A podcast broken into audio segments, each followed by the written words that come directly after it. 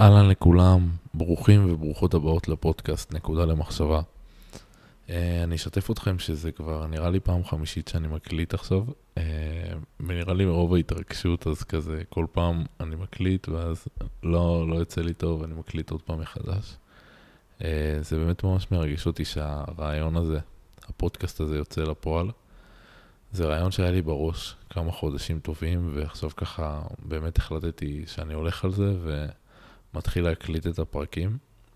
הפודקאסט הזה בעצם נוצר מתוך uh, מטרה להנגיש ידע, להנגיש ידע על uh, אתגרים שאנחנו חווים בחיים, שזה יכול להיות דיכאונות, חרדה, uh, אכילה רגשית, אכזבות, דחיות, איך מתמודדים עם כל מיני דברים שבאים אלינו בחיים, ובעצם צומחים מהם ועולים למעלה. כי כאילו יש הרבה פעמים את המשפט הזה של הכל זה שיעורים, וזה מה שהיה צריך לקרות לך, אבל אוקיי, איך אני, איך אני לומד מזה? אז uh, בשביל זה נוצר הפודקאסט הזה, ובשביל עוד הרבה דברים, אבל uh, ככה, אם אני מתמצת את זה במשפט אחד או שניים, אז זה באמת להפסיק לסבול בחיים ולהתחיל ליהנות. כי אני יכול להגיד לכם שאני מאוד מאוד התאמצתי להשיג דברים כל הזמן, כל הזמן הייתי במרדף. ובשנים האחרונות, כשפגשתי מנטורים ומורי דרך ומטפלים שחשפו אותי לעולם הרגשי הזה, הבנתי שאני לא חייב להתאמץ וכביכול לסבול, ודברים יכולים לבוא לי בהנאה ובכיף, ולא הכל חייב להיות כזה מסובך. וזה לא אומר שלא עושים דברים ושלא מזיזים דברים בעולם הזה. אה, זה פשוט אומר שאפשר לעשות את הדברים שלך וליהנות מהם. ואני חושב שזה ממש הולך להתקשר לכם לנושא ככה של הפרק הזה. אז רגע לפני שאנחנו עוברים לפרק ועל מה אנחנו הולכים לדבר היום, אני רוצה להציג לכם את עצמי. אה, לי קוראים מאור, מאור בניין, ובשנים האחרונות אני חוקר את כל מה שקשור לעולם ההתפתחות הרגשית, עולם התודעה והרוח. אה, האמת שזה התחיל בעבר בתור, אה, אפשר להגיד, התפתחות אישית, שכל הזמן רציתי להשיג דברים ומטרות ובאמת זה נשמע, וזה האמת אה, באמת משהו מאוד חיובי, אבל לקחתי את זה למקום קצת שלילי, כמו שיש מישהו שמכור לסיגריות, אז אני הייתי מכור להתפתחות, אבל לא בקטע כזה בריא. אה, וממש כאילו יצא מצבים שכביכול אנסתי את עצמי להשיג דברים, בין אם זה גוף, או זוגיות, או כסף, והיה שם כאילו הרבה סבל בדרך להשיג את הדברים. וגם כשהשגתי את הדברים לא היה, כאילו נהניתי מהם, אבל לא עכשיו ברמה של וואו, זהו, אני מאושר, סימן טבעי. ומשהו שם הרגיש לי חסר, ובאמת אה, יצא לי לפגוש את העולם הזה של התודעה והרוח וההתפתחות הרגשית. אה, אני מאמין שאני גם אעשה פרק אחד על הסיפור שלי ככה, אבל אה, היום אנחנו הולכים לדבר על משהו קצת אחר. אז היום אנחנו הולכים לדבר על איך בעצם אפשר להשיג מטרות ויעדים שאנחנו רוצים בחיים שלנו, עם הרבה פחות מאמץ וסבל. כי יש תחושה שהרבה פעמים כשאנחנו רוצים להשיג איזה משהו, אז אנחנו צריכים לעבוד ממש ממש קשה בשביל להשיג אותו, ואנחנו צריכים לסבול בדרך ולא ליהנות. וזה נכון שבאמת צריך להתאמץ בשביל דברים שאנחנו רוצים בחיים, אבל לסבול לא חייב, ובדיוק על זה אני הולך לדבר היום עם יובל. בעצם יש, חוץ מהנושא הזה של שצריך לעשות פעולות בחיים, יש גם את העניין של החסמים הרגשיים. זאת אומרת, אם אני רוצה להשיג איזה משהו, ויש לי איזה פחד לא מודע בפנים, אז יכול להיות שהפחד הזה שאני בכלל לא מודע אליו, יעכב אותי מלהשיג את הדבר הזה. ואז אני עושה הכל לפי הספר, מה שנקרא, אמ, ופועל ופועל ופועל, ואני לא מצליח להבין איך אני ממש עושה את הפעולות המדויקות שאמרו לי לעשות בשביל אה, להשיג את העסק שרציתי, ואני עדיין לא מצליח. אמ, והרבה פעמים זה בכלל יושב על חסם רגשי שעוד לא פתרנו. וככה, היום אה, אירחתי את יובל בן עוזיאל, אה, שיעשה לנו קצת סדר בדברים. יובל הוא מאמן ומטפל רגשי שעבד עם מאות מתאמנים על שחרור אה, חסמים וקונפליקטים פנימיים. אה, הדרך שלו התחילה בעצם ממשבר רגשי מאוד עמוק שהוא חווה מלפני ארבע שנים. אה, משהו שהוא היה בטוח שהוא ניקה אותו, משבר שהוא היה בטוח שהוא כבר עבר אותו ופתאום זה צף לו, ומתוך הכאב הזה הוא באמת צמח ומעביר את הדרך שלו לעוד ועוד מתאמנים שנמצאים איתו. אני מקווה שתהנו מהפרק ותפיקו ממנו ערך אליכם, לחיים שלכם, ואני מאחל לכם האזנה נעימה. אהלן יובל. שלום. אה, אז היום אנחנו הולכים לדבר על אה, נושא שאותי אישית ממש מעניין. אנחנו הולכים לדבר על העניין הזה ששמתי לב שהוא קורה בחיים שלי וגם בחיים של אנשים שקרובים אליי, אה, שפשוט אתה מנסה להתמיד באיזה משהו, לקבל תוצאה מסוימת, ואתה מאוד מאוד מתאמץ, בין אם זה, לא יודע, בחורה שמנסה... להוריד במשקל, או גבר שמנסה למצוא זוגיות, או כל מיני דברים כאלה. וכאילו כשאתה מנסה לעשות את הדבר הזה ואתה מתחיל בתהליך, אתה רואה פתאום אנשים שכאילו זה בא להם ממש בקלות. ו... כי אני שואל את עצמי, מה, אני מפספס פה משהו? איך זה קורה כאילו? וואי, זו שאלה, קודם כל שאלה מצוינת, שאלה שאני אה, שאלתי את עצמי אה, הרבה מאוד זמן, את האמת. אה, וכמו שאתה אומר, באמת יש הרבה אנשים שרוצים להשיג איזושהי מטרה, כמו לעלות במשקל, אה, זוגיות, אה, זה יכול להיות כל דבר, והם מרגישים שהם צריכים המון המון להתאמץ כדי להגיע למטרה הזאת. אה, וזה באמת הסיבה לזה, כי להרבה מאיתנו יש המון המון חסמים אה, רגשיים שקשורים לאותה מטרה. מה הכוונה? אה, הרבה אנשים רוצים עכשיו להעלות משקל מהרבה סיבות. הם רוצים להעלות משקל כי הם רוצים להיות יותר יפים, הם רוצים להיראות יותר טוב, הם רוצים אה, שבחורות, גברים רוצים שבחורות יסתכלו עליהם, אז הם רוצים שיהיה להם גוף יפה. אבל הרבה מהם יש איזה שהם פחדים שהם לא מודעים אליהם, של מה יקרה אם הם יעשו את התהליך של עכשיו לעלות במשקל. שהתהליך הזה עכשיו דורש, לא יודע, שלושה חודשים של עכשיו ללכת להתאמן כל יום. אה, אה, לבוא ו- ולאכול טוב עכשיו, ולבוא ו- אה, ולהשקיע מעצמם, יש להם המון פחדים שקשורים לפרוסס הזה וגם להשגת המטרה, אה, וזה משהו שבכלל מונע מהם מלגשת לזה. וגם הרבה מהם שניגשים לזה, וגם אם הם משיגים את המטרה ברוב המקרים, נכון, אנחנו שומעים הרבה אנשים שכן הצליחו להשיג את המטרה והצליחו, לדוגמה, לעלות במשקל, הרבה מהם גם אחר כך חוזרים לאותה משקל שהם היו, כי משהו אצלם עדיין בפנים לא פתור, יש להם עדיין איזשהו פחד שקשור אה, לעלייה במשקל. Mm. ויכול להיות שהפחד הזה גם מתקשר בעצם ל... גם הפחד מעלייה במשקל, אבל גם הפחד בעצם ממה יקרה אם uh, אני אצליח עם בנות, או כאילו לדבר הזה שהם רוצים, לסיבה שבאה אחרי, אחרי התוצאה? ברור. תחשוב שהפחד בעלייה במשקל, כל אחד מהסיבה שהוא רוצה לעשות את זה, יש איזה איזשהו פחד ש... בוא נגיד, דרך לגלות מה הפחד שיושב שם, היא לשאול את עצמו שאלה פשוטה, מה יקרה עכשיו במידה ואני כן אצליח, במידה ואני כן אשיג את המטרה. מה אני מפחד שיקרה אם אני כן אשיג את המטרה הזאת שאני רוצה, אם אני כן אצליח מבנות. להרבה אנשים יש פחד מאוד מאוד גדול מההצלחה, נעזור רגע את הפחד מ... מ uh, מלא להצליח. יש להרבה אנשים אפילו פחד יותר גדול מכן להצליח, ובגלל זה הם אפילו לא נוטים, נוקטים פעולה לעבר הזה, כי הפחד הזה הוא כל כך מהדהד להם חזק בראש. אשכרה, אבל כאילו עכשיו בא בן אדם ושואל את עצמו, ברור שאני רוצה להוריד במשקל, או ברור שאני כן. רוצה לעלות במשקל, או מה שזה לא יהיה, מה, מה יכול להיות מפחיד בזה? כאילו, אני רוצה את התוצאה הזאת, כאילו. כן. אתה מבין? מה תגיד לו לאותו בן אדם? זהו. אז הרבה מאיתנו באמת רוצים משהו, בואו ניקח שתי חלקים רגע. הרבה מאיתנו מודעים למה שאנחנו רוצים. אנחנו רוצים עכשיו לעלות במשקל. אז אותו בן אדם, אני אשאל אותו רגע, אוקיי, למה אתה רוצה לעלות במשקל? הוא יגיד לי, אני רוצה לעלות במשקל כי אני רוצה לראות יותר טוב, אני רוצה שיהיה לי גוף יותר טוב, שאני לא יודע, ש... שאני אוכל להרשים איתו בחורות או משהו. אוקיי. אמ, והרבה, בלי שהם שמים לב, יש הרבה דברים שהם לא מודעים אליהם. זה מה שהם מודעים אליהם, מה שהם רוצים, אבל הם לא מודעים למה שקורה באופן, אה, בפן הרגשי. אוקיי, לדוגמה, אני אשאל בן אדם, אוקיי, מה אתה מרגיש כרגע לגבי העלייה במשקל? תעזוב רגע את מה ש... אוקיי, אתה רוצה לעלות במשקל כי ככה וככה. זה מה שהראש שלך אומר. בוא רגע נסתכל ברגש. אם נשים לב, יש לנו את מה שהמחשבות שלנו אומרות, אוקיי? זה איזה שהן כל מיני מחשבות שאומרות אני רוצה לעלות במשקל, ויש את מה שהרגש, מה שקורה ברגש. מה שקורה ברגש זה מה שקובע תמיד.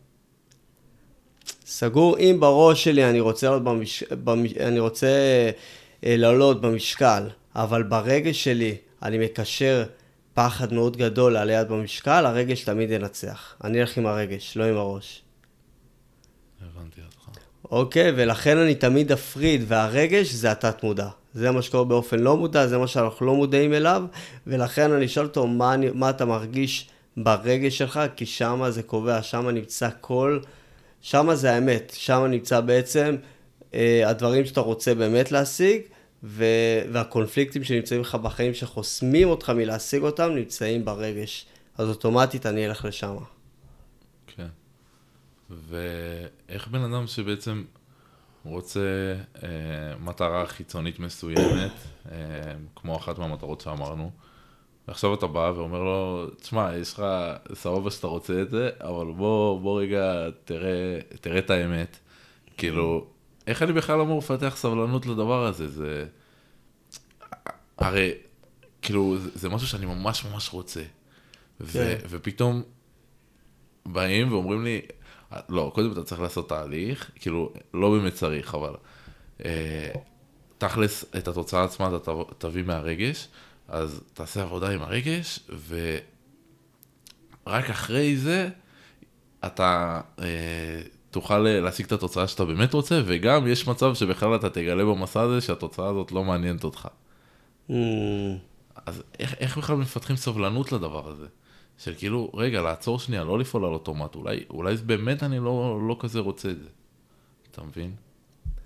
זה שאלת השאלות שכל uh, מדריכים הרוחניים והרגשיים מציפים את השאלה הזאתי, ואני אגיד לך במה אני מאמין.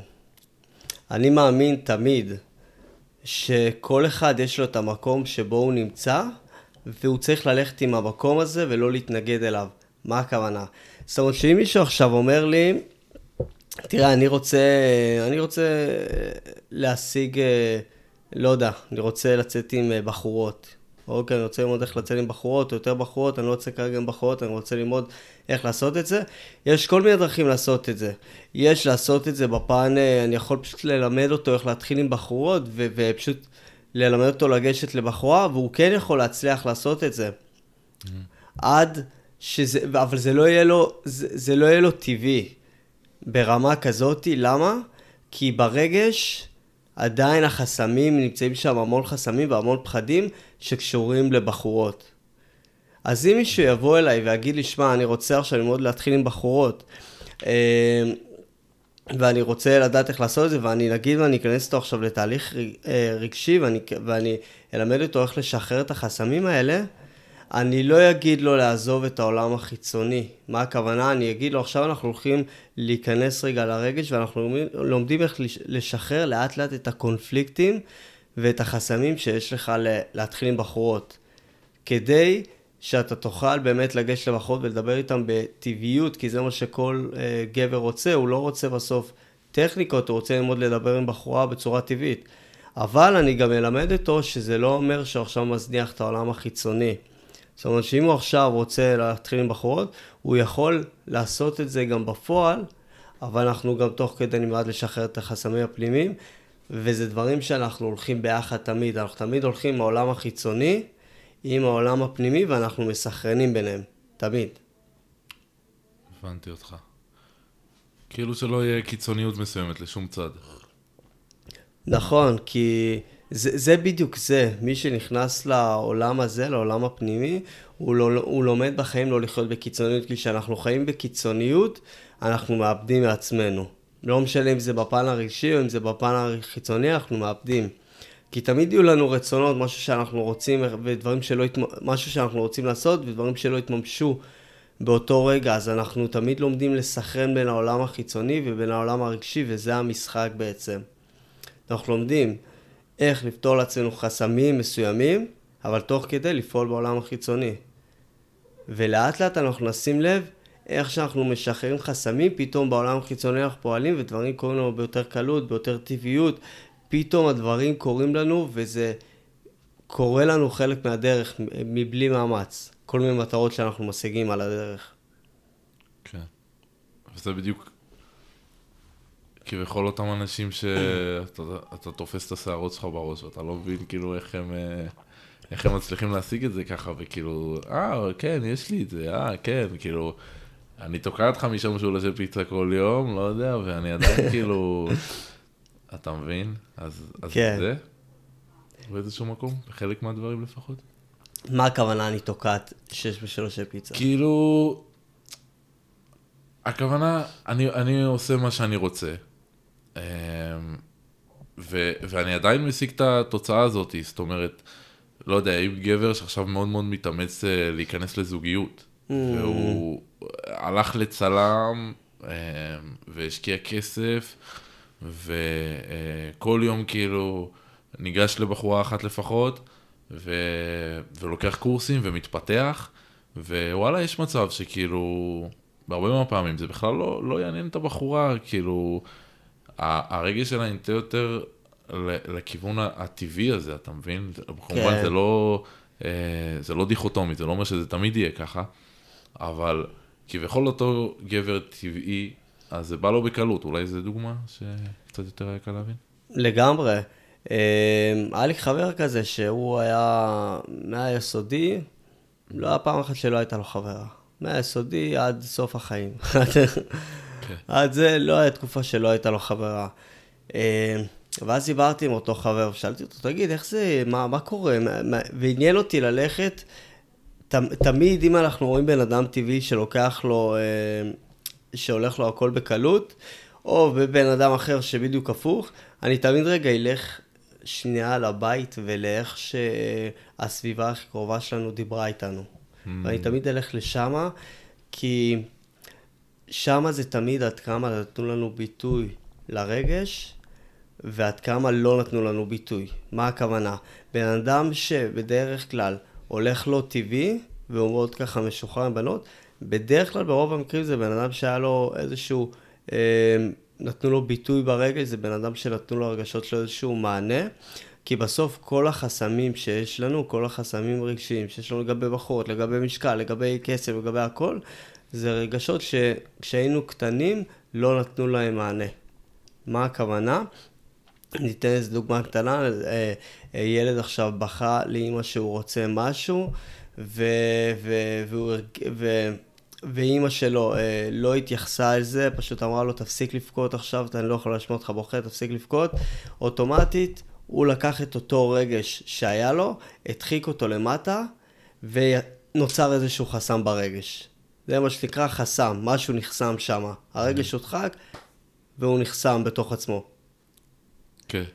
ואיך אני לוקח את זה לבן אדם הטבעי? כי אותו חבר שהיה לי, שהיה לו זוגיות כל שנה, שהוא הצליח לייצר לעצמו זוגיות בטבעיות, שאלתי אותו, תגיד, איך ההורים שלך, ממש לא בקטע של טיפול, ממש סקרן אותי לדעת, והוא הכי פתוח, ספר לי, אז הוא... אה, שאלתי אותו, איך ההורים שלך התייחסו אליך, כאילו, כשהיית ילד, מה, מה היה שם אז, כאילו? הוא אומר לי שאימא שלו תמיד הייתה אה, מדברת איתו על רגשות.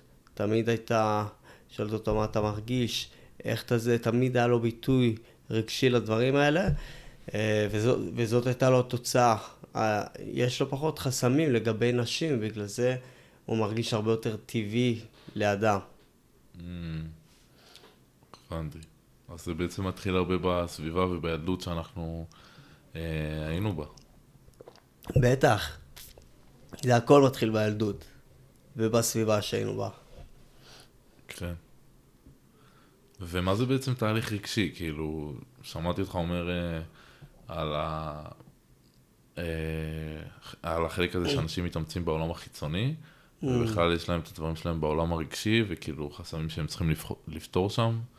כן. אה, מה זה בכלל עולם רגשי? אה, מה זה עולם רגשי? בואו ניקח את רגע את הרגשות שאנחנו חווים, אוקיי? יש רגשות שאנחנו חווים ביום-יום. בוא, יודע מה, אני רוצה לצייר את זה בצורה שנייה, בצורה אחרת רגע. מה זה העולם הרגשי. אנחנו, כל העולם שלנו כרגע, כל מה שאנחנו חיים אליו, באופן, אם אנחנו מודעים לזה ואם אנחנו לא מודעים לזה, אנחנו חיים, אה, חיים שהרגש קובע לנו את החיים ואנחנו לא שמים לב לזה. הוא קובע לנו את מה שאנחנו חיים. באופן לא מודע, אנחנו מהיום שאנחנו, אה, מהרגע שאנחנו קמים בבוקר עד הרגע שאנחנו הולכים לישון, הרגש מפעיל אותנו, יש משהו ברגש בתוכו שמניע אותנו לעשות דברים מסוימים. אוקיי, אני אתן רגע דוגמה שזה יהיה הרבה יותר פשוט להבין. אה, רוב האנשים אה, אולי שמעו את זה, מונעים מאיזשהו כאב. אוקיי? לדוגמה, אני עכשיו רוצה ללכת לעלות במשקל, אני יכול להגיד לעצמי שאני רוצה לעלות במשקל כי אני רוצה עכשיו לפתח גוף ולראות יותר טוב, אבל לרוב אני רוצה לעלות במשקל מתוך איזשהו כאב פנימי שיש לי. Mm. אוקיי? וכשאני מדבר בעצם על העולם הרגשי, זה אומר בעצם שיש הרבה כאב שמפעיל אותנו. ולמה אני בכלל מדבר על זה? כי אז זה לא משנה אם אנחנו נשיג באמת את המטרות, אנחנו יכולים להשיג את המטרות שאנחנו רוצים, עם התאמצות אנחנו יכולים לעשות את זה, אבל הכאב הזה תמיד יבעבע לנו בסוף. וזה למה אנחנו רואים הרבה אנשים שהם מצליחים ומגיעים לאיזשהן הצלחות מטורפות, זמרים מפורסמים, והם מרגישים ריקנות כל כך חזקה והם לא מבינים למה. זה כי אותו כאב שהיה להם אה, בילדות, או אותו כאב שהיה להם אה, בגיל יותר צעיר, פתאום מתחיל לבעבע חזק. Mm. כי פתאום החסם, ההתנגדות הכל כך גדולה שיש להם, מתחילה לבעבע, ופתאום הם רואים שכל מה שהם השיגו, פתאום עכשיו הם ניסו לכסות עם זה את הכאב, ופתאום הכאב הזה צף. אז הם מתחילים, הם לא מבינים מה קורה. כי הם חשבו שהכאב הזה כבר נעלם, אבל הוא תמיד היה שם. הבנתי אותך. תגיד לי אם זה היה ככה ענה על השאלה, או שצריך אה, לחדד את זה יותר. אני חושב שזה ענה, כאילו... אני, אני הבנתי לגמרי מה, מה הסברת, אה, וגם באמת רואים את זה. אני באמת אה, רואים הרבה בטלוויזיה או בחדשות על זמרים או אנשים מפורסמים ש... כאילו, באמת בעולם החיצוני אה, יש להם הכל ולא חסר להם שום דבר. אה, ואתה רואה שהם עושים, אה, הם מרגישים ריקנות, כמו שאמרת, או עושים מעשים כאילו, שאתה לא מבין איך בן אדם שכביכול יש לו הכל, איך הוא עושה אותם. כן. אתה מבין? ו- וזה כאילו, אני חושב שזה משהו ש... שכולנו חווים במידה כזאת או אחרת, כאילו, לאו דווקא לכולנו יש אה, בהכרח מה שנקרא הכל, או מבחינת כסף, מבחינת זוגיות, אבל הרבה פעמים אנחנו חושבים שאותו דבר שאנחנו נשיג, אה, בין אם זה הזוגיות, הגוף שרצינו, הכסף, כאילו הוא אמור לפצות ו... שנברח כאילו מאותו כאב שאנחנו כל כך מפחדים לפגוש, לא? זה, זה מה שאני הבנתי לפחות. זה לגמרי זה. כי כמו, ש... כמו שאמרתי, לכולנו יש כאב שאנחנו מנסים לברוח ממנו, ולכן, ואי אפשר לברוח ממנו, הוא נמצא, בפ... הוא נמצא בפנים. זאת אומרת, אם אני עכשיו אשיג אה, אה, מיליון דולר, סתם אני זורק לדוגמה, הכאב לא ייעלם. Mm. אוקיי, הוא עדיין יש שם בתוכו. אני באופן לא מודע מנסה להשיג את המיליון דולר האלה, כי אני חושב באופן לא מודע, אנחנו לא מודעים לזה, okay. כן. שאם אני אשיג את המיליון דולר הזה, אני אהיה מאושר, במילים אחרות, אני לא, לא אחווה את הכאב הזה. Mm. אוקיי, mm. okay, רובנו אפילו לא עושים את זה כדי להיות מאושרים, אנחנו עושים את זה פשוט כדי לא לחוות את אותו כאב שאנחנו מרגישים. ואז מה שקורה להרבה, הם מגיעים לגיל, אני אפילו גילאים צעירים, אני לא מדבר על גילאים מבוגרים, מגיעים לגילאי 28, 29, 30, 31, 32, 35, ופתאום מתחיל, דברים מתחילים לצוף. יש כאלה שמתחיל לצוף להם בגיל יותר מאוחר, יש כאלה שבגיל הזה, ופתאום חוסר ביטחון שהיה להם בתיכון, ו- וכאבים שהיו להם בתיכון, ובגיל יותר צעיר פתאום מתחילים לצוף עכשיו. והם לא מבינים מה זה. הם מתחילים רגע ממש ככה ל- ל- אה, להיבהל מזה אפילו. כי הם היו בטוחים, רגע, אני עשיתי כל כך הרבה, אני כבר... אני אפילו מטפלים, אפילו כן. מטפלים. אני כבר מטפל, אני מטפל הרבה זמן, אני כבר אה, וואו, עשיתי כל כך הרבה, ופתאום אני חווה את הכאב הזה. רגע, אז, אז למה עשיתי, מה עשיתי פה עד עכשיו, כאילו? כן. וזה מבהיל אותה ממש. זה מבהיל כאילו חלק מסוים שחושב שהחיים שלנו צריכים להיות בתבנית מסוימת, לא? כאילו שמשהו מסוים, אוקיי, עכשיו אני מטפל, אז אסור לי שיהיה לי כאב, כאילו... אני, אני חייב כאילו להיות הכי טוב, כאלה? אה, קודם כל כן, למטפלים, כמה, ש... כמה שזה מצחיק במרכאות להגיד, אבל למטפלים יש אה, פאסון מאוד גדול מסביבם. גם חבר'ה שהם בהתפתחות אישית, יש לנו איזשהו פאסון מאוד מאוד גדול, והפאסון הזה הוא, אני מטפל. זה הפאסון, יש להם, יש להם איזשהו אה, אגו מאוד מאוד גדול סביב האני מטפל הזה. אני מטפל, אני צריך לדעת ככה, אני, אני, אה, אני, אה, אני עוזר לאנשים, אפילו אני עוזר לאנשים, הרבה פעמים זה מגיע מהמון המון כאב ואגו. העזרה לאנשים. הבנתי אותך. וזה משהו ש... שהרבה מטפלים מגיעים אליו, ו... ומתישהו גם מציף אותם. הם גם לא יכולים לברוח מזה. כן, כי יכול להיות שהם בעצמם הגיעו למסכה הזאת של המטפל, מתוך רצון שלהם לברוח מכאב? קודם כל נכון. קודם כל, כל מי שהגיע למטפל, ללא יוצא מן הכלל, הגיע לזה ממקום של אה, כאב, ואין עם זה בעיה. וזה okay. כן. בסדר גמור, זה חלק מהחיים, אנחנו אה, נעים, אנחנו לא נעצור עכשיו הכל רק כי יש בנו כאב, אנחנו נמשיך. אבל מה שקורה, שהם ממשיכים ל- ל- אה, בעצם לחיות סביב העננה הזאת של אני מטפל, וסביב אני מטפל יש את האגו של אני חייב לדעת, אני חייב להצליח, אני חייב לעזור לאנשים. בוא רגע נ, ניקח איזשהו מטפל כזה או אחר, וניקח ממנו את הדבר החיצוני הזה, ניקח ממנו רגע את העזרה מהאנשים. Mm. אוקיי? ניקח ממנו רגע את העזרה מהאנשים. איפה הוא יהיה? מה, מה, מה הוא ירגיש באותו רגע? רוב המטפלים, ברגע שלוקחים מהם את העזרה מהאנשים, לוקחים מהם את הזהות שלהם. כן. אוקיי? כי, אז, כי הם בנו זהות סביב העזרה מהאנשים. רגע, מה אני אם אני לא עוזר לאנשים?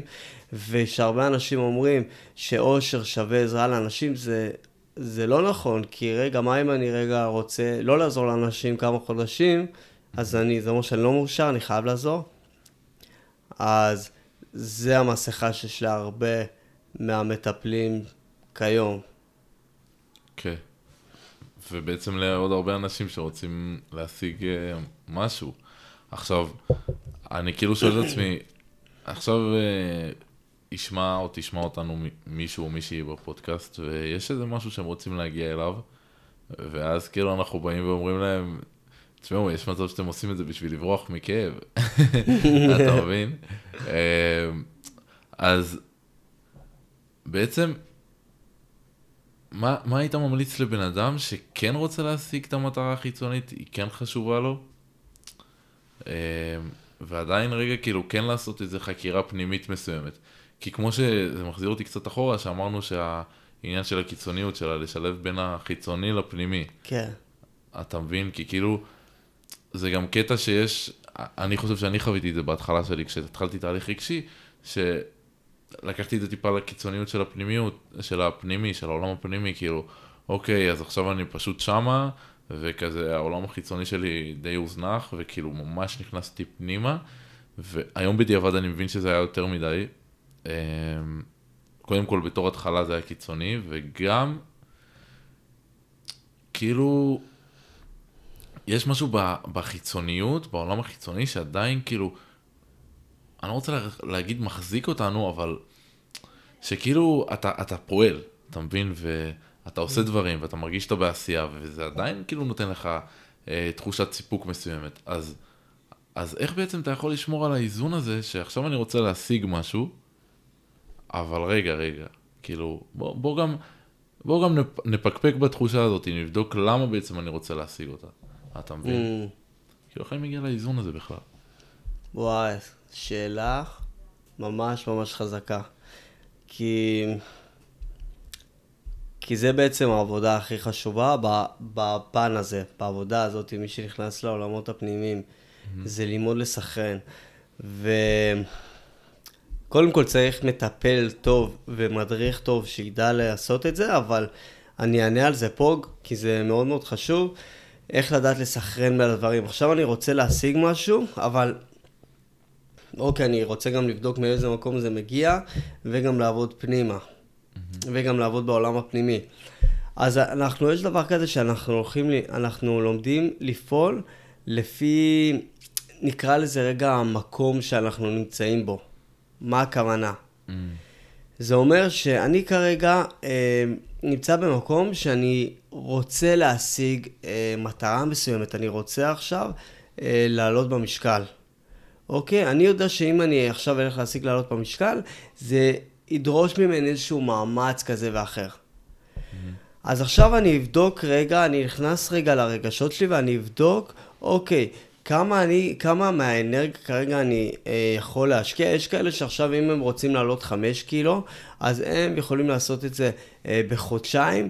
ו- ו- ולנקוט פעולה שתתאים לזה שבחודשיים הם יעלו 5 קילו.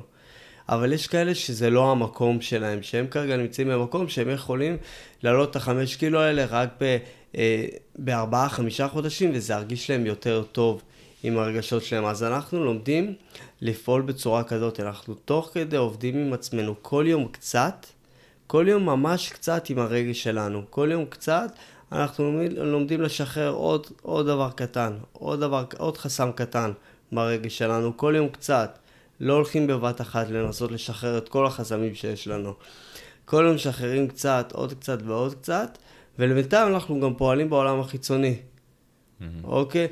פועלים בעולם החיצוני עד שהעולם החיצוני לומד להסתכן עם העולם הרגשי, והעולם הרגשי לומד להסתכן עם העולם החיצוני. אנחנו לא מצליחים אבל את העולם החיצוני. יכול להיות שאחרי שלושה חודשים פתאום המטרה תהיה פחות רלוונטית, ויכול להיות שאחרי שלושה חודשים פתאום המטרה לא רק שהיא תהיה רלוונטית, אנחנו פתאום אה, יהיה לנו רצון להשיג עוד משהו במטרה הזאת, או לשנות אותה, או לעשות עוד משהו, או ליצור עוד משהו. אז אנחנו לומדים ללכת לאט לאט בתהליך הזה, לא לקיצון לפה ולא לקיצון לפה. אוקיי? אני, תגיד לי אם הצלחת להבין, אם לא אני אחדד את זה אפילו טיפה יותר. הצלחתי להבין את זה, אבל בעצם איפה אתה אה, בכלל מתחיל... אה... לעבוד על אה, חסמים רגשיים ולשבת עם הרגש, לפתור אותו, כמו mm. שאמרת.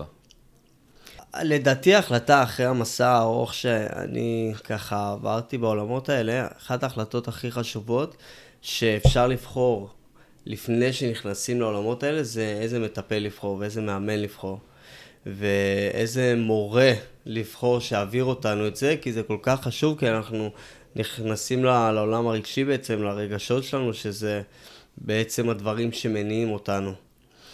אה, ואיך אנחנו מתחילים לגעת בזה ולשחרר חסמים. אז אנחנו כל יום משחררים כל פעם קצת, כל פעם אה, חסם קטן שיש לנו. אנחנו לא ממהרים לבוא ולחסם, ולשחרר את כל החסמים שלנו ברגש, כי זה לא יעבוד. כל יום אנחנו משחררים חסם קטן, חסם קטן.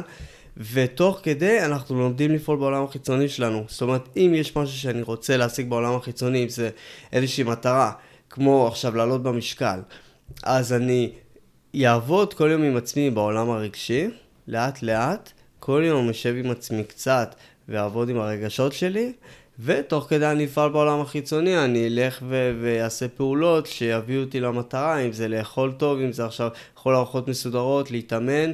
אה, אה, ואני אעשה את זה תוך כדי, ואני אגלה משהו מאוד מאוד מיוחד, שאחרי כמה חודשים, פתאום יכול להיות שהמטרה הזאת לא תעניין אותי. או בדיוק הפוך יקרה, שאחרי חוד... כמה חודשים, פתאום המטרה תעניין אותי מאוד, ואני ארצה אה, ממש אה, או לשנות אותה, או, לעשות, או להשיג איזה משהו אה, יותר גדול, או ליצור משהו, יבוא לי איזושהי השראה שאני לא יודע אפילו. אה, זה מה שנקרא ללכת בתהליך. ולא לרוץ אותו, כמו שכולנו שומעים, זה לא ספרינט, אנחנו עושים פה ממש מרתון, אבל זה מרתון שהוא ממש מסע, שאנחנו הולכים לעבור עם עצמנו, והוא מסע מרתק. Mm. אבל פרקטית, מה זה אומר כאילו לשחרר את הרגש? לשבת איתו, להכיר אותה. פרקטית. אוקיי. בוא, אני אתן דוגמה שזה יהיה קל אפילו להבין את זה. נגיד עכשיו מישהו בא אליי, והוא אומר לי, כל אחד בא עם איזושהי בעיה, אז הוא יכול לבוא ולהגיד לי, אה, תקשיב יובל, אני, אני בחיים שלי מרגיש שאני לא מדבר עם אנשים בחופשיות. אני מרגיש שאני כל הזמן חושב על מה שאני צריך להגיד לאנשים, ואני לא מבטא את עצמי בחופשיות, ו- ואני... וזה מתסכל אותי, כי אז זה מגיע למצב שאני כל הזמן אה, בלחצים מול אנשים, אה, נלחץ, מתרגש, אולי טיפה בחרדה, ואני מרגיש שאני, כל סיטואציה, אני מרגיש שאני צריך לברוח ממנה. אה, אז מה אני רוצה, מה אני צריך לעשות? אז סתם לקחתי את הדוגמה הזאתי, אבל מהדוגמה הזאתי אפשר ממש לרדת לרגש ולהתחיל ללמוד איך לעבוד איתו. אז מה שהייתי שואל אותו, אוקיי, מה אתה מרגיש רגע שאתה נמצא בסיטואציות חברתיות? איזה רגשות עולים לך? אז הוא יכול להגיד לי, עולה לי פחד, עולה לי לחץ, אה, אני חושב כל הזמן על מה להגיד, מה לעשות. מעולה, אז מה שאני אתחיל לעשות איתו עכשיו, כמובן שזה לא, לא דוגמה לסשן טיפולי אמיתי, אני כרגע פשוט נוגע בזה ממש כן. בקצרה, אבל חשוב לי להבין, אה, שיבינו מה זה אומר לעבוד פרקטית עם הרגש. זה אומר שכל יום אני אני אגיד לו לשבת עם עצמו עשר דקות, ורגע לחוות את הרגש שהוא חווה כשהוא נמצא בסיטואציות חברתיות. אוקיי, לדוגמה בסיטואציה חברתית הוא חווה איזשהו פחד שהוא צריך תמיד ל... ל אה, לא יודע, איזשהו פחד מזה שהוא יכול להיות שהוא ביישן מדי, mm-hmm. ו, והוא מפחד מזה שהוא ביישן מדי, או זה יכול להיות איזשהו לחץ שהוא חווה, ואנחנו רגע לשבת עם עצמך עשר דקות, ורק ללמוד להכיל את אותם רגשות. רק mm. ללמוד להכיל אותם. אנחנו לומדים רגע ללמוד להכיל את הרגש הזה, כי מה שקורה ברגע שאנחנו לומדים להכיל את אותם רגשות שאנחנו מנסים לברוח מהם, נבנה שם איזשהו אה, קשר בינינו לבין הרגש שלנו. מה זה אומר? זה אומר שאנחנו מתחילים להיות יותר מחוברים לרגש שלנו, ואז אנחנו פחות נתחיל, אה, אה, בוא נגיד פחות נתחיל לפחד בסיטואציות חברתיות, או פחות נתחיל לחשוב יותר מדי בכל מיני סיטואציות חברתיות, כי אנחנו למדנו ליצור איזשהו... אה, אני רוצה שזה יהיה ככה ברור ופשוט, אז אני אנסה אפילו אה, לשנות את המילים שאני אומר כרגע. כשאני אומר להכיל את הרגש, אנחנו בעצם לומדים לבנות איזשהו כלי. אוקיי? Mm. להכיל מהמילה כלי. מה זה אומר כלי? כלי זה אומר כשאנחנו מכילים את הרגש שלנו, אנחנו בעצם מתחילים לבנות איזשהו ביטחון ברגש שלנו. Mm-hmm. אוקיי? זה מה שנקרא תהליך של ביטחון עצמי. כשאנחנו מתחילים לבנות ביטחון ברגשות שלנו. מה זה חוסר ביטחון עצמי? זה כשאנחנו לא בטוחים ברגש שלנו. כשנגיד עולה איזשהו פחד מסוים, אנחנו מפחדים נגיד בסיטואציה חברתית, ואנחנו ישר מתנגדים לפחד הזה, אתם בטח מכירים את זה, עולה איזשהו פחד ואנחנו ישר, אה, יש לנו מלא מחשבות בראש, ואנחנו ישר כאילו חושבים אלף מחשבות. כן. אז ברגע שאנחנו לומדים להכיל את הרגשות שלנו, אנחנו בעצם בונים ביטחון ברגש, וככה אנחנו פחות מתנגדים לרגשות שלנו, ולאט לאט מבלי שנשים לב, בסיטואציות חברתיות שהיה לנו פעם חרדה או פחד, פתאום החרדה והפחד האלה מתחילים לאט לאט פשוט להיעלם. כמו לא להיות, כולל כל המחשבות שהיו לנו באותה סיטואציה. כי בנינו ביטחון עצמי. תגיד לי אם הצלחת, אם זה מצליחים לרדת לסוף דעתי, או שזה מסובך מדי ואני אעשה את זה יותר פשוט מזה. אה, הצלחתי להבין מה אתה אומר, לגמרי. שפשוט העניין הזה, זה, הביטחון העצמי לא נובע בהכרח מלהיות הכי חזק או הכי יציב, אלא דווקא להודות כאילו במה שאנחנו חווים באותו רגע, וכן, כאילו, אני לא מתבייש בזה, זה... כרגע אני חווה פחד, ואני מוכן לראות אותו, אה, להרגיש אותו, ומשם כאילו, אני יותר רואה את הרגש. נכון? קודם כל, לגמרי, וביטחון עצמי זה ממש לא מי שהכי חזק. יותר מזה, הרבה פעמים שאנחנו רואים אנשים שהם כאילו מציירים איזשהו חוזק חיצוני מאוד מאוד גדול, זה בטח, שמעתם את המשפט הזה, שמעת את המשפט הזה, בטח האנשים האלה שכאילו נראים מבחוץ עם הכי הרבה ביטחון, זה אלה שיש להם הכי חוסר ביטחון. הרבה פעמים זה מאוד נכון, כי אנחנו ב, בחיצוניות שלנו, אנחנו הרבה פעמים מנסים לכסות על מה שיש לנו בפנימיות.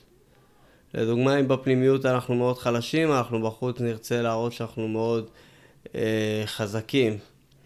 אם בחיצון, אם בפנימיות שלנו אנחנו מאוד, אה, לא יודע, ביישנים, או אני לא יודע מה, כל אחד והזה שלו, בחיצוניות אנחנו נרצה להראות בדיוק הפוך.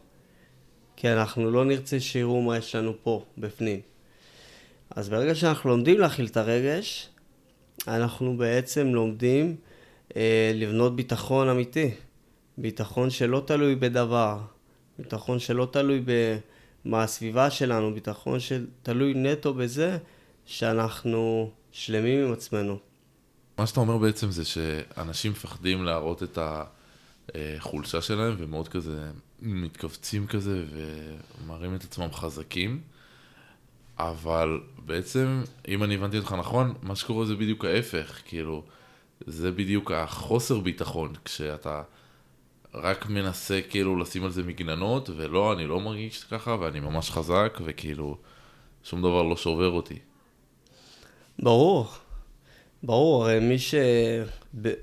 אם נחשוב על זה, מי שבאמת שלם עם עצמו, אין לו בעיה להראות שהוא חלש, אין לו בעיה להראות את המקום הזה אצלו שהוא מרגיש חלש גם, שהוא גם מפחד, שהוא לא יודע הכל. רק מי שלא בטוח בזה, אז הוא תמיד ינסה להראות שהוא יודע הכל, שהוא תמיד עם ביטחון. הרי אף בן אדם לא תמיד עם ביטחון, אין כזה, אין כזו חיה, אולי רובוט. כן. אבל אין כזה באמת בן אדם. אז מי שמנסה להראות את זה, אז כנראה יש שם משהו מתחת. משהו שהוא בעצם לא מפסיקים לפגוש. משהו שמי שרוצה באמת להפוך את החיים שלו למקום שהוא הרבה יותר נהנה לחיות בו, והרבה יותר נהנה להיות עם עצמו, ובכללי להפוך להיות בן אדם הרבה יותר שלם עם עצמו, אז כן, אז זה משהו שצריך לפגוש אותו, ולהכיר בו שהוא קיים. כי בעצם מהרגע שאני מתחיל להכיר בו ומסכים לפגוש אותו, אז, אז זה בעצם מתקשר גם לנקודה שאמרת על הלהכיל, נכון? ש... לגמרי. שאני בעצם רואה את הרגש, ו... ואז אני יכול גם לעשות איתו עבודה, וכאילו, אותו פחד שכמו שאמרת עם הדוגמה של החרדה החברתית הזאת, עם המחשבות שעוברות, אז רגע, להסכים לפגוש את זה. כי גם הרבה, הרבה פעמים מה שיוצר את החרדה זה זה שאנחנו לא מוכנים לפגוש את החרדה, או מתכחשים לזה, או די, כאילו, שזה ילך ממני עכשיו. נכון. וזה כאילו חתיכת הסכמה להסכים למשהו שכביכול בעיני החברה יכול להצטייר, כאילו, לא יודע אם בעיני החברה, אבל לפחות בעיניך, הרבה פעמים העיניים של הבן אדם, יכול להצטייר כחלש, אה, או... אה, לא טוב מספיק וכל הדברים האלה, זה כאילו, זה דורש ויתור על האגו. לגמרי, לגמרי, וזה החלק הכי קשה, כי זה החלק הכי קשה לאגו שלנו, אוקיי? Okay. אוקיי? קשה לאגו שלנו לוותר על האגו, אוקיי? כי זה מה שקורה, כי מה שקורה, האגו שלנו פיתח זהות. אנחנו פיתחנו זהות שהוא בעצם האגו שלנו. וזהות שהיא לא באמת מי שאנחנו, אבל זה מה שפיתחנו, זה מה שאנחנו מכירים. ופיתחנו את הזהות הזאת כדי לא לפגוש את אותם רגשות שמהם אנחנו מנסים לברוח, את אותם כאבים. אבל אם אנחנו נראה, אנחנו נכיר בסוף שאותם רגשות, mm-hmm. חרדה, נכון, אנחנו לא רוצים לפגוש את זה, אבל אנחנו גם ככה פוגשים את זה. זאת אומרת, אנחנו גם ככה חווים את זה, אה, כל אחד חווה את זה בזה שלו, אם זה בסיטואציה חברתית, מי שיש לו חרדה חברתית, הוא גם ככה, פוג... הוא גם ככה חווה חרדה. אוקיי, יש אנשים שבגילאים אה, יותר מאוחרים, גם ככה מוצפים בכאבים וכל מיני דברים שקורסים סביבם, אז גם ככה הדברים האלה מציפים אותנו, אה, אז למה לא? אם כבר הם באים, למה לא פשוט ללכת לכיוון שלהם? ובמקום להתנגד אליהם, אפשר פשוט ללמוד להכיל אותם, ואז אנחנו נגלה שמתחת לכאב הזה יש משהו שהוא מאוד מאוד יפה והוא מאוד מאוד אה, מגניב ואפילו כיף להרגיש אותו, ואנחנו נראה שיש שם איזה שהם חיים אחרים שאנחנו יכולים לחוות, שהוא לא החרדה והוא לא הכאב. אבל זה אם אנחנו נסכים לעבור דרך המקומות האלה, וכמו שאמרתי, אנחנו לא עושים את זה בבת אחת, אנחנו לא הולכים ו... ועכשיו אה, משתגעים לחוות את כל הכאבים שלנו, וממש ממש לא, אלא אנחנו לומדים לעשות את זה כל יום קצת, בהדרגתיות, בצורה שהיא מאוד מאוד נכונה ומדויקת לאותו, לכל בן אדם ש... שרוצה לעשות את זה. למה אי אפשר לעשות את זה בבת אחת? למה אי אפשר לעשות בבת אחת, מה, לעשות מה בבת אחת? פשוט לפתור, כאילו, יש לי חרדה חברתית, יש לי זה, יש לי זה. אני הולך למטפל, אני רוצה לפתור את זה כמה חודשים, להעלים את זה כמה שבועות, כאילו, שזה לא יהיה לי. Mm, אתה מבין? למה, למה אי אפשר שזה פשוט יקרה? קודם כל, יש מקומות שכן אפשר להעלים את החרדה החברתית בכמה שבועות וכמה, וכמה חודשים, גם בתהליך כזה אפשר אה, אה, להעלים חרדה. כל אחד תלוי בסדר גודל של החרדה ומה שהוא חווה. לאו דווקא חרדה באופן כללי. כאילו. מה זה? לאו דווקא חרדה באופן כללי. אה, כל דבר שיכול להצוף, אה, לא יודע, אכילה רגשית, אה, התמכרויות כאלה ואחרות, כל מיני דברים. כן. אז קודם כל יש, יש שיטות וכן, שאפשר, להכ... ושאפשר לפ... לפתור, אני אומר במרכאות לפתור, אבל אפשר אה, סוג של לפתור את זה בכמה שבועות או כמה חודשים, באמת. אה, אבל חייב להבין שאותן שיטות שפותרות את זה בצורה מאוד מאוד מהירה, הן לא פותרות את זה מהשורש. זאת אומרת, הרגש עדיין נמצא שם. מה הכוונה? אה, בואו ניקח רגע NLP. אני גם אה, ככה התעסקתי הרבה זמן ב-NLP, אז אני גם מכיר את השיטה, אז בואו ניקח NLP אה, לעומק. NLP עובד המון על דפוסי מחשבה, הוא המון עובד על, אה, על איך לשנות דפוסי מחשבה או לתכנת בצורה, אה, או לתכנת את המוח, ודרך NLP אפשר לשנות הרבה דפוסי מח... אה, מחשבה, ואפשר לפתור הרבה דפוסים כמו אכילה רגשית וכל מיני דברים. אפשר לעשות את זה דרך NLP. אבל זה נוגע בדבר מאוד מאוד מסוים, וזה לא יורד לעומק של הרגש. ו- ומה הכוונה יורד לעומק? זאת אומרת שהבעיה לא, לא באמת נפתרת, עדיין העומק נמצא שם, עדיין הרגש יציף אותנו בשלב כזה או אחר, אה, ואנחנו פשוט נגלה את זה עם החיים, שקורים לנו כל מיני דברים שלא רצינו, אנחנו לא רוצים, הם לא, הם לא אה, מתוכננים, וזה בגלל שהרגש פשוט מציף אותנו ומבעבע מתוכנו, ולכן הרבה אנשים בגילאים כאלה ואחרים חווים כל מיני מחלות או כל מיני דברים, שבסוף הכל מגיע מתוך כאב שאנחנו, שנמצא בתוכנו. כן. מקווה שלא הלכתי רחוק מדי. לא, אני מאמין ש... אני הבנתי אותך, אבל השאלה... השורש הזה זה בעצם... אה, מה זה? זה מה שדיברנו עליו מקודם? שדברים מהילדות שאנחנו פוגשים? אה, השורש זה בעצם, אה, יודע מה, אני רוצה לעזוב את המילה שורש, אני אשים אותה בצד. כל הדברים האלה זה כן, זה דברים מהילדות ש... שהדחקנו, טראומות מסוימות.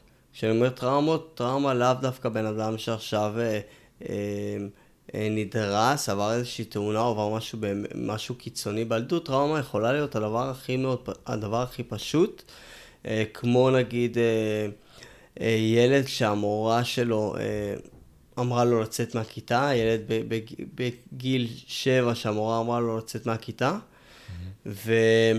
והוא חווה את זה כמשהו מאוד טראומטי. מאותו רגע הרגשות שלו ראו בזה כמשהו מאוד טראומטי, חוו את זה כאיזושהי השפלה, וזה משהו שהוא לוקח איתו באופן לא מודע כל החיים.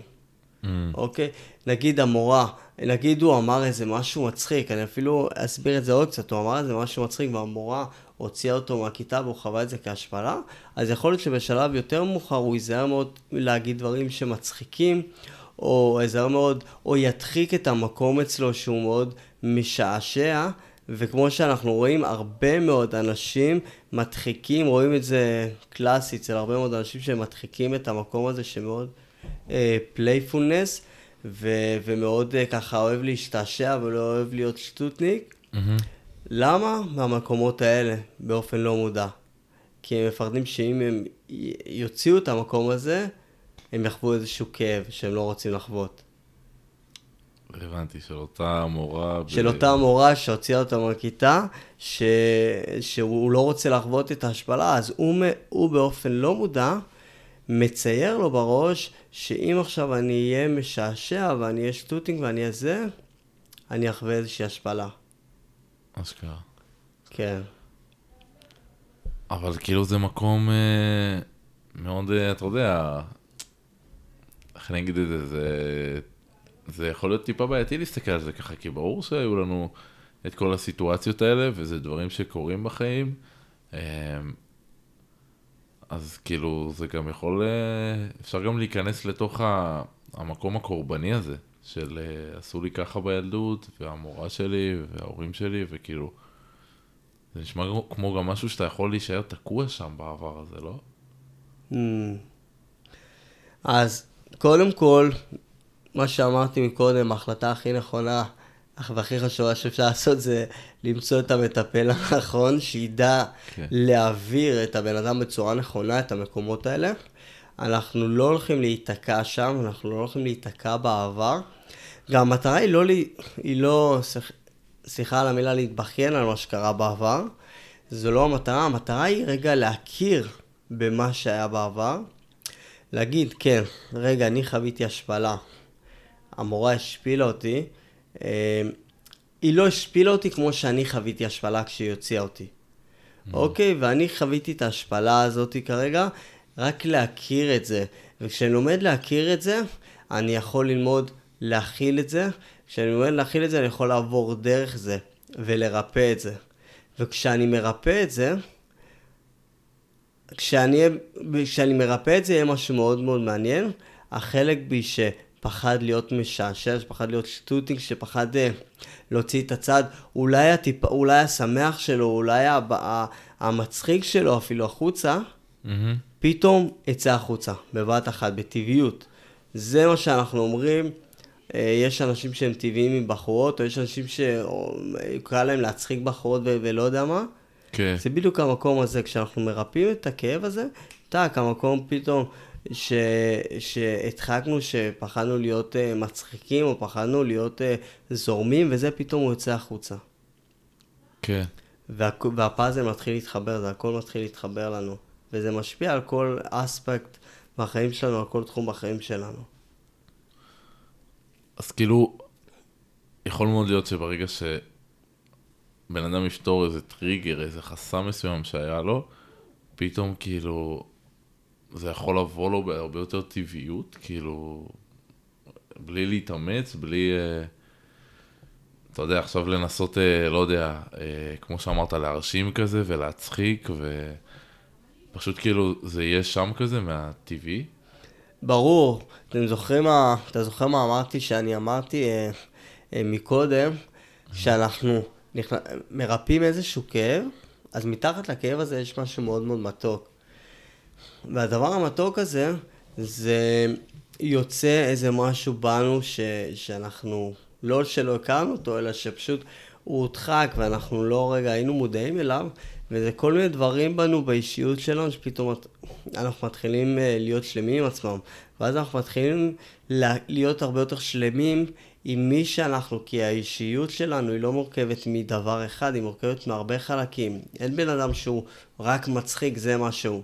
לא, אנחנו מורכבים מהרבה דברים. בן אדם יכול להיות מצחיק, יכול להיות חכם, יכול להיות, יכול להיות רציני גם, יכול להיות עמוק, יכול להיות כל מיני דברים.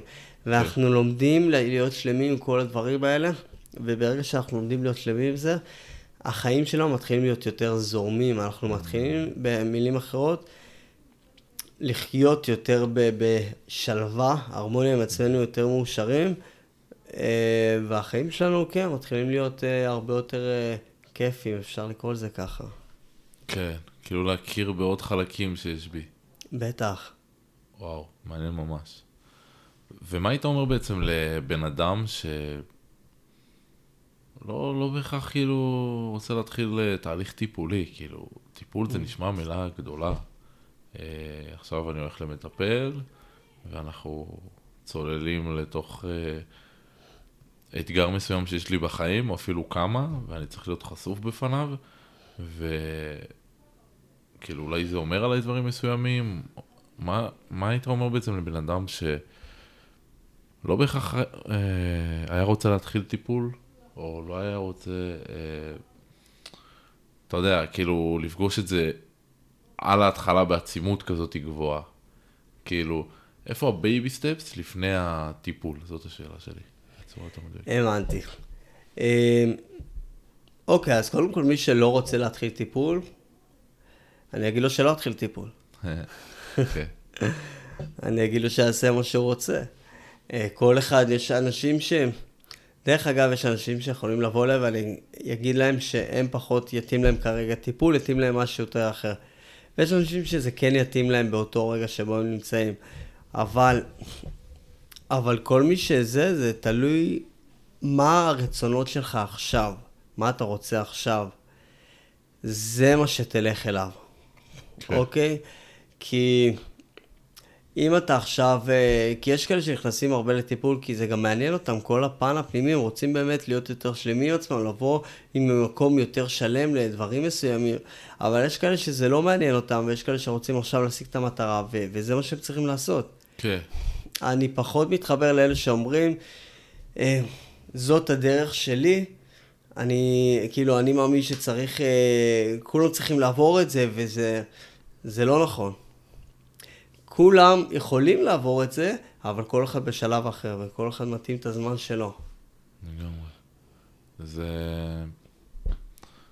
זה גם משהו, זה ענווה ממש גדולה להגיד דבר כזה, כי כאילו, אתה מבין שכל אחד חווה את הדרך שלו, וכל אחד יש את הבחירות שלו, וכאילו הכל בסדר, כי גם... אני אישית מהחוויה שלי, אז בתור בני אדם, ברגע שאנחנו מתחילים איזה משהו מסוים, משתייכים לאיזה קבוצה מסוימת, בין אם זה למשל העולם היותר רוחני, הפנימי, בין אם זה יותר לעולם ה... אה, סתם אפילו אנשים שהם טבעונים, לא יודע, mm. כל מיני הגדרות מסוימות, אז כזה, הרבה פעמים יש לנו נטייה אה, לראות את אלה שהם לא במה שנקרא בקבוצה שלנו, וכזה, כאילו להסתכל עליהם בעין קצת שופטת, אתה מבין על מה אני מדבר? בטח. ו... כן, פשוט אה, זה העניין הזה שאתה מבין שכל בן אדם יש לו את הדרך שלו, ומי שצריך לפגוש את זה, יפגוש את זה, ומי שלא, לא, כי זה גם באיזשהו מקום גם יכול הרבה יותר להזיק, נכון? אם, אה, אם בן אדם לא עושה את זה מהמניעים הנכונים ולא בזמן שהוא צריך לפגוש את זה. נכון, כי מי ש... קודם כל זה מאוד נכון שאמרת, הרבה מתייגים קבוצות, כאילו זה... זה הדבר הנכון, וזה הדבר הנכון, וזה הדבר שצריך לעשות. אמ, בדיוק הקבוצות האלה, כולנו רואים שזה המון המון אגו שיושב שם. Mm-hmm. אז כבר אותם הייתי שואל, רגע, אוקיי, תצללו אתם קודם כל למקומות שלכם, אחר כך אה, זה, אבל סתם. אבל זה מאוד נכון, כי מי שמגיע למשהו שהוא לא מגיע בזמן שלו, וב... אה, ואם הוא לא באמת רוצה לבוא ועכשיו לצלול לזה, אין לו מה לעשות, אין לו מה להגיע לשם, כי החיים יביאו אותו לשם בכוח. הוא לא צריך. כאילו, הוא יכול להגיע לשם מבחירה. אה, אני הגעתי לשם, לא, את האמת, החיים הביאו אותי לשם, אני לא הגעתי מבחירה. החיים בחרו בשבילי. כי אני, ואולי זה יתקף לעוד אנשים שחווים או יחוו את זה מתישהו, mm-hmm. אני הוצבתי בכאב מאוד מאוד גדול, שאני לא יכולתי לבחור. זאת אומרת, אה, זה לא שלא יכולתי לבחור, זה החיים בחרו בשבילי. הנה, עכשיו אתה חייב, אין לך ברירה. כן. Okay. כי הכאב היה כל כך חזק, שלא היה לי שום יכולת ל- לעשות משהו אחר. אה, אז מי שמתלבט או זה, הוא יכול להמשיך כרגיל, החיים יביאו אותו מתישהו. כן. אבל uh, כאילו השורה התחתונה זה שזה לא חס על אה, אף אחד מאיתנו, ולא משנה מה אנחנו עושים, מתישהו כאילו אנחנו נפגוש את זה בדרך כזאת או אחרת. נכון, כאב אנחנו חווים תמיד, אין בן אדם שהוא לא חווה כאב. ואני אגיד משהו, ואני לא אגיד אותו ממקום של מדכא, אלא אני אגיד אותו ממקום ש... שזה מה שזה, בעולם יש המון המון כאב, הרבה אנשים חווים המון המון כאב. Mm-hmm. והוא יציף, כל אחד הוא, יש אנשים שיכולים אה, לזרום איתו בחיים, יכולים לקחת את זה ולזרום עד גיל 35, 40, 45, בלי ללכת ולטפל בזה. אה, מתי שהוא יצוא ושהוא צף, הוא נותן בומבה לחיים שלנו. והוא, okay. והבומבה היא, היא מאוד מאוד חזקה והיא לא נעימה ולפעמים היא יכולה לטשטש אותנו לגמרי. אז, אז כל אחד, כמובן בלי להיבהל, כן? כן. אבל, אה, כי מה, שוב, מה זה הכאב הזה? ככה, ממש בקצרה. Mm-hmm. מה הכאב בא להראות לנו? הכאב בא להראות לנו שהאגו שאנחנו חיים על פיו mm-hmm. הוא בעצם לא אמיתי. ולמה זה חשוב רגע להבין את זה? כי ברגע שאנחנו חיים על פי משהו שהוא לא אמיתי, אנחנו, ברגע שהכאב מציף אותנו, בעצם גורם לנו להבין שהזהות שחיינו על פיה היא אולי לא אמיתית כמו שחשבנו שהיא. ואז הכאב יוצר משהו שהוא מזעזע לנו את כל החיים. אוקיי, הוא רגע יוצר לנו איזשהו זעזוע מאוד מאוד גדול בחיים. כמו? עיבוד זהות. זה הפחד הכי גדול של אנשים, לאבד את הזהות שלהם. הכוונה סתם לאבד את המקצוע, או איזה ייעוד שאנחנו מספרים לאנשים שאנחנו עושים בעולם? זה, הזהות זה יכול להיות כל דבר, זהות זה יכול להיות אני מטפל, זה יכול להיות זהות. זהות זה יכול להיות אני, הכסף שאני מרוויח. אה. אוקיי, אנשים שמאבדים את הכסף, אותך. הלך להם העולם. אה, הזהות זה יכול להיות אה, האישה שלי, זה יכול להיות הזהות שלי. אני נשוי או אני רווק, זה יכול להיות הזהות שלי. ומי שמאבד את הזהות זה הפחד הכי גדול, וברגע שמאבדים את הזהות, אה, בוא נגיד, אנשים עושים מעשים קיצוניים מאוד כדי לא לאבד את הזהות שלהם. ואנשים עושים מעשים קיצוניים מאוד כאשר הם איבדו את הזהות שלהם. כן. ואנחנו מבינים לאן זה יכול ללכת. כן. אני באמת חשבתי שאתה יותר הולך להגיד אה, דברים כמו אה, מחלות גופניות או נפשיות או דברים כאלה. זה גם, זה לא, גם... נגעתי בזה בהתחלה, אבל זה גם כאילו כאב או מעלה מחלות אה, לגמרי. אה, אנחנו, איך אומרים, אנחנו, כל אחד שיכול להאמין באלוהים, או יכול לא להאמין, יכול להאמין ביקום, או כל אחד שיאמין במה שהוא רוצה, אבל נסתרות דרכי היקום או דרכי האלה, mm. שאנחנו לא יודעים איפה זה יכול לתקוף אותנו, כל אחד זה תוקף, יש כאלה שמפסידים מיליארדים, ויש כאלה שמתגרשים, ויש כאלה שפשוט... אה, אה, מאבדים המון כספים, ואת כולנו זה, פוג... את כולם זה פוגש בדרכים שונות. כן. יובל, תודה רבה. אני ממש נהניתי לארח אותך, והייתה לי שיחה מדהימה. אה, וזהו, היה לי ממש כיף, תודה. איזה כיף, אז גם לי היה ממש כיף. תודה שאירחת אותי. זהו חברים, זה היה הפרק הראשון. אני מקווה שנהניתם להאזין והפקתם ערך מהפרק. שתפו את הפרק עם חבר או חברה, אם אהבתם, זה ממש יכול לעזור, ואנחנו כבר נתראה בפרק הבא. אני מקווה שתהנו מהפרק ותפיקו ממנו ערך אליכם, לחיים שלכם, ואני מאחל לכם האזנה נעימה.